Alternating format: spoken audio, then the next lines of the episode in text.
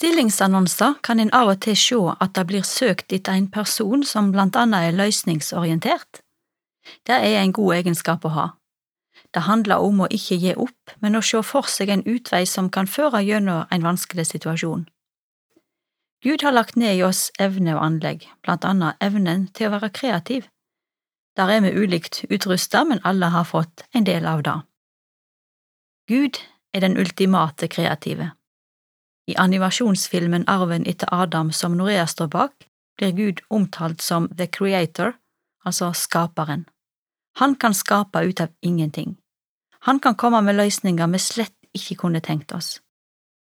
Her på Sørlandet har det kommet et nytt uttrykk de siste åra som sier sånn, jeg så ikke den komme. Gud har utveier som ingen av oss kunne komme på. Og denne veka skal vi se litt nærmere på hendelser i Bibelen der Gud griper inn på sin overraskende og kreative måte i rette tid.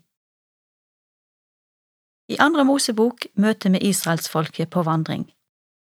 Etter 430 år med slaveri i Egypt og mange runder i møte med en lunefull farao har de endelig kommet seg av gårde og skal gå gjennom ørkenen og hjem til landet som Gud hadde gitt dem lovnad om.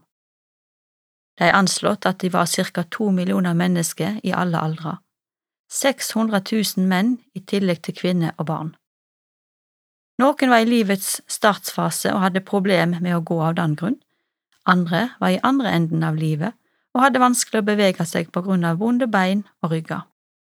Noen gledde seg nok over at de endelig var i gang, andre var sikkert engstelige og så svart på å gå dagevis gjennom et ørkenlandskap. De visste ikke da at det skulle ta hele 40 år. Men det går ikke så lang tid før de er i trøbbel, i alvorlig trøbbel. De hører lyden av faraos hær bak seg, og framfor seg ser de et hav der det er sju kilometer til andre sida. Menneskelig sett så er det en uløselig situasjon. Det står sånn i andre Mosebok 14, 10–14. Da farao nærma seg, så israelittene opp og fikk øye på egypterne som kom etter dem. De ble grepne av stor redsle og ropa til Herren. De sa til Moses, Fanns det ikke graver nok i Egypt siden du har ført oss ut i ørkenen for å dø? Hvorfor har du gjort dette mot oss, hvorfor førte du oss ut av Egypt? Var det ikke det vi sa til deg i Egypt, la oss få være i fred, vi vil arbeide for egypterne, det er bedre for oss å arbeide for deg enn å dø i ørkenen.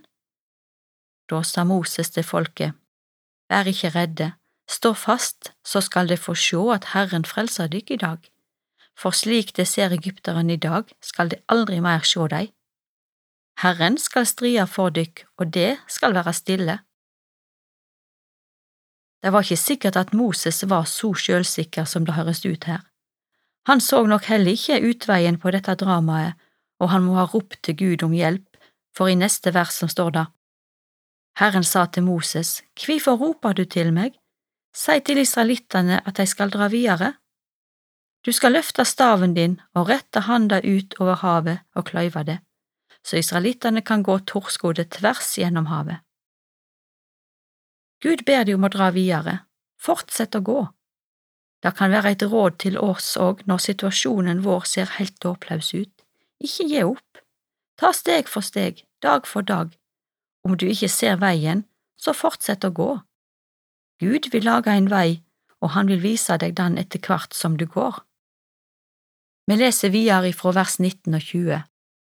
Guds engel som hadde gått før i Israels leir, bytte nå plass og gikk etter folket. Skysøyla som var framfor dei, flyttet seg og stilte seg bak dei. Så hun kom mellom leiren til egypterne og leiren til israelittene.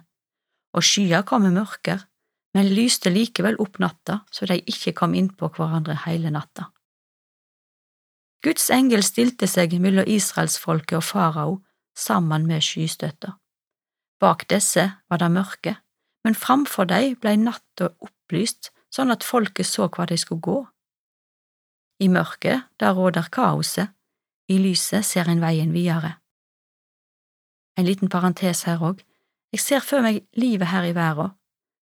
Hvis vi bare har dette livet for auga, ser denne verden ganske mørk ut, krig og rykte om krig, pandemi, dyrtid, naturkatastrofer, hadde vi bare hatt dette livet i sikte, så ville vi lett gått oss vill i bekymringer og uro for det som skal komme.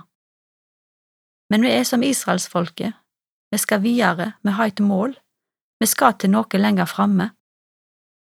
Da styrker det trua på dette å se det kaoset som skjer i verden, for Gud har sagt at sånn skal det bli. Med Guds ord som veiviser kan vi la disse tingene gi oss mot til å vandre videre.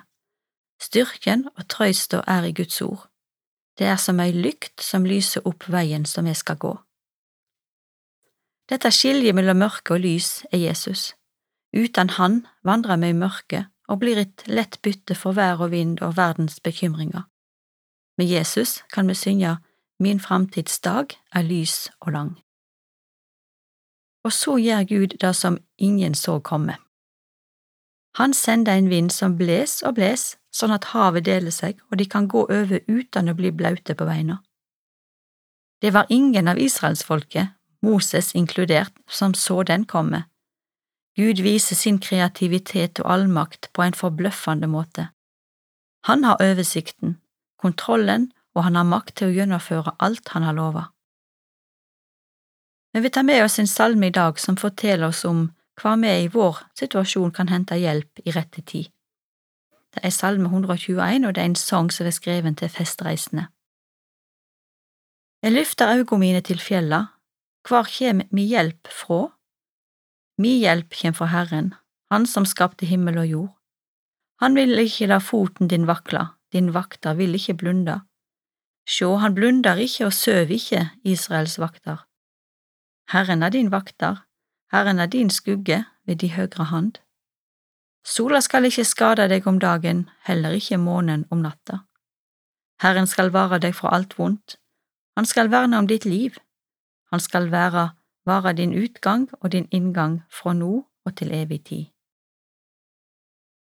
Takk, gode Gud, at du har veier der vi ikke ser noen vei. Hjelp oss å se din vei og vandre på den. Amen. Du hørte akkurat andagsholder Britt Kari Urdal holde andakt i serien Over en åpen bibel. Denne andaktserien produseres av Norea Mediemisjon. Les gjerne mer om oss på norea.no.